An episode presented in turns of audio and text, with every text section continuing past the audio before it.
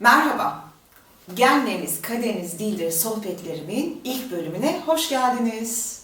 Bundan sonra her hafta sizinle Instagram TV ve YouTube kanallarımdan bu kitapta anlattığım, verdiğim bütün bilgileri parça parça sizinle paylaşacağım ve her hafta gündelik rutinimize yeni bir şey katacağız. Ne için?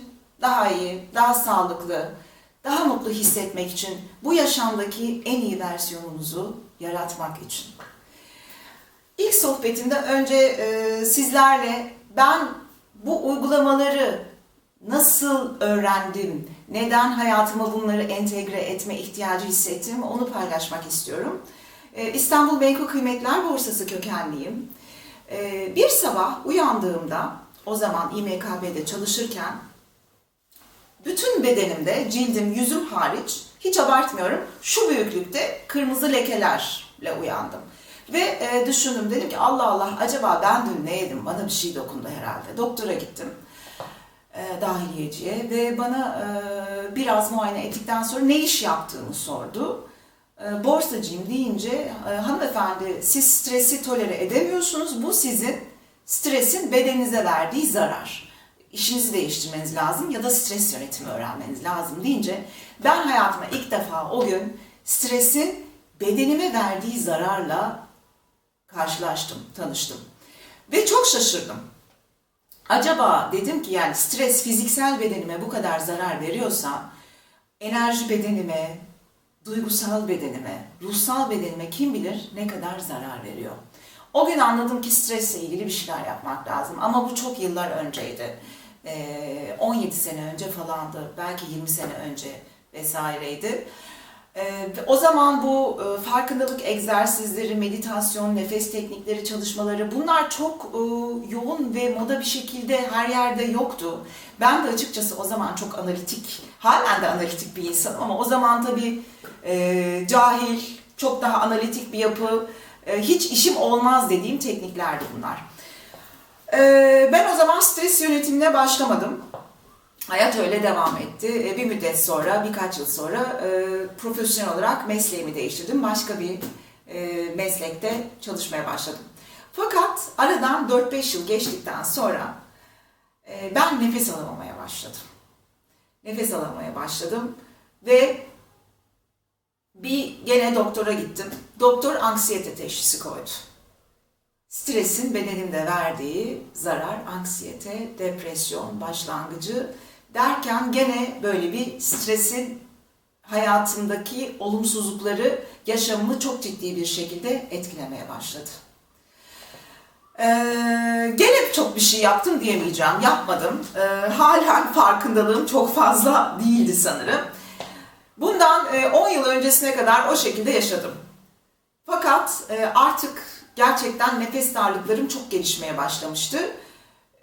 Bir arkadaşım nefes egzersizlerine gitsene iyi gelebilir dedi. Ve ben onun üzerine bu işi detaylıca araştırmaya başladım. Analitik zihnim her zaman ağır bastı. Doktor Deepak Chopra her zaman hayranlıkla takip ettiğim e, filozof yazarlardandır.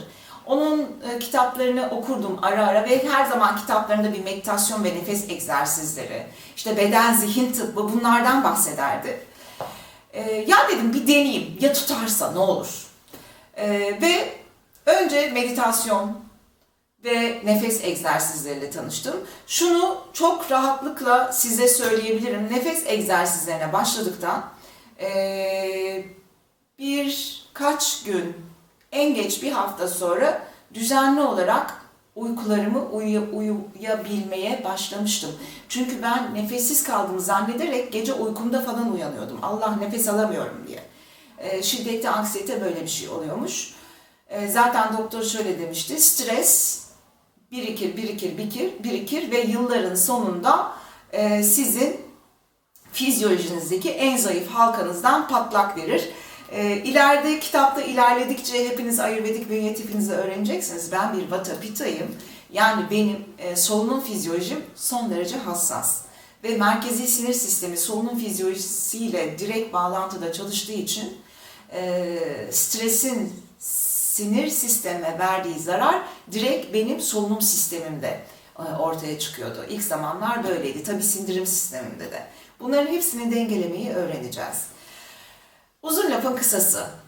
Uzun yılların vermiş olduğu stresin, e, vermiş olduğu zararları ben e, bu farkındalık egzersizleriyle, nefes teknikleri, ayurvedik yaşamın getirdiği işte meditasyon, temiz beslenme ilkeleri, bünye tipini tanıma, enterik sindirim sistemini, e, enterik sinir sistemi, sindirim sistemini yani tanıma vesaire vesaire e, birçok kadim bilgiyle hayatımı daha önce hiçbir şekilde deneyimlemediğim gibi dengelemeye başladım.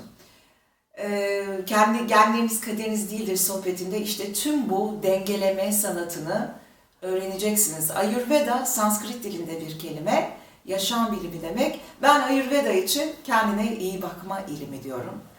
Ee, gerçekten kendine iyi bakma ilimi. Çünkü Vedik bilgiler diyor ki İnsanoğlu beş duyusuyla kendini şifalandırabileceği gibi yaratılmıştır. Neden bu beş duyumuzu bilinçli ve farkındalıklı bir şekilde kullanmıyoruz? Duyularımız çok önemli. İşte bunların hepsini kullanmayı ve eş zamanlı olarak hem fiziksel bedeninizi hem zihinsel bedenimizi hem de ruhsal bedenimizi dengelemeyi öğreneceğiz. Peki, kitabımın ilk bölümünde neyle başladım? Mutlu musunuz diye başladım. Çünkü hepimizin e, bu kaçıncı sayfa? Evet ilk bölümü 19. sayfada mutlu musunuz diye bir bölümle başladım. Çünkü hayatta yaptığımız her şey ve her şeyi mutlu hissetmek için yapıyoruz. Mutlu hissetmek için kendimize bir partner, eş buluyoruz. Mutlu hissetmek için aile kuruyoruz. Mutlu hissetmek için bir takım okullara gidiyoruz. Mutlu hissetmek için çalışıyoruz. Onun e, ve para kazanıyoruz. Bunların hepsini mutlu hissetmek için yapıyoruz. Mutlu musunuz? Önce öyle başlayacağım. Gerçekten mutlu musunuz? Eğer değilseniz kendinizi mutlu hissetmek için ne yapmanız gerekirdi? Ne olsaydı da kendinizi mutlu hissedersiniz? Kitabımın giriş bölümünde bu var ve hemen arkasından well-being değerlendirme testi koydum. Yani iyilik hali değerlendirme testi. Bu testi e, kitabı almadan da yapabileceğiniz şekilde kitabın 23. sayfasında oluyor bu bütünsel sağlık değerlendirme testi. Son derece basit bir test. E, tek sayfalık bir test.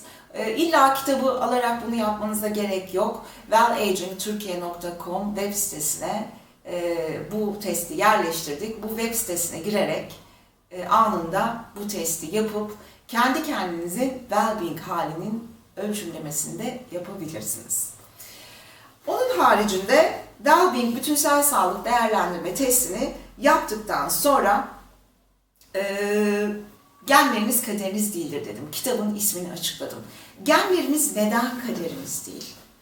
Gerçekten kaderimiz değil. Ben bunu ilk defa duyduğumda 2012 yılında e, hocalarımdan Profesör Doktor Dean Ornish derse girdiğinde e, sahneye yürümüş ve bize arkadaşlar size iyi bir haberim var. Genleriniz kaderiniz değildir demişti. O zaman herhalde demiştim İngilizcem çok sular seller gibi değil.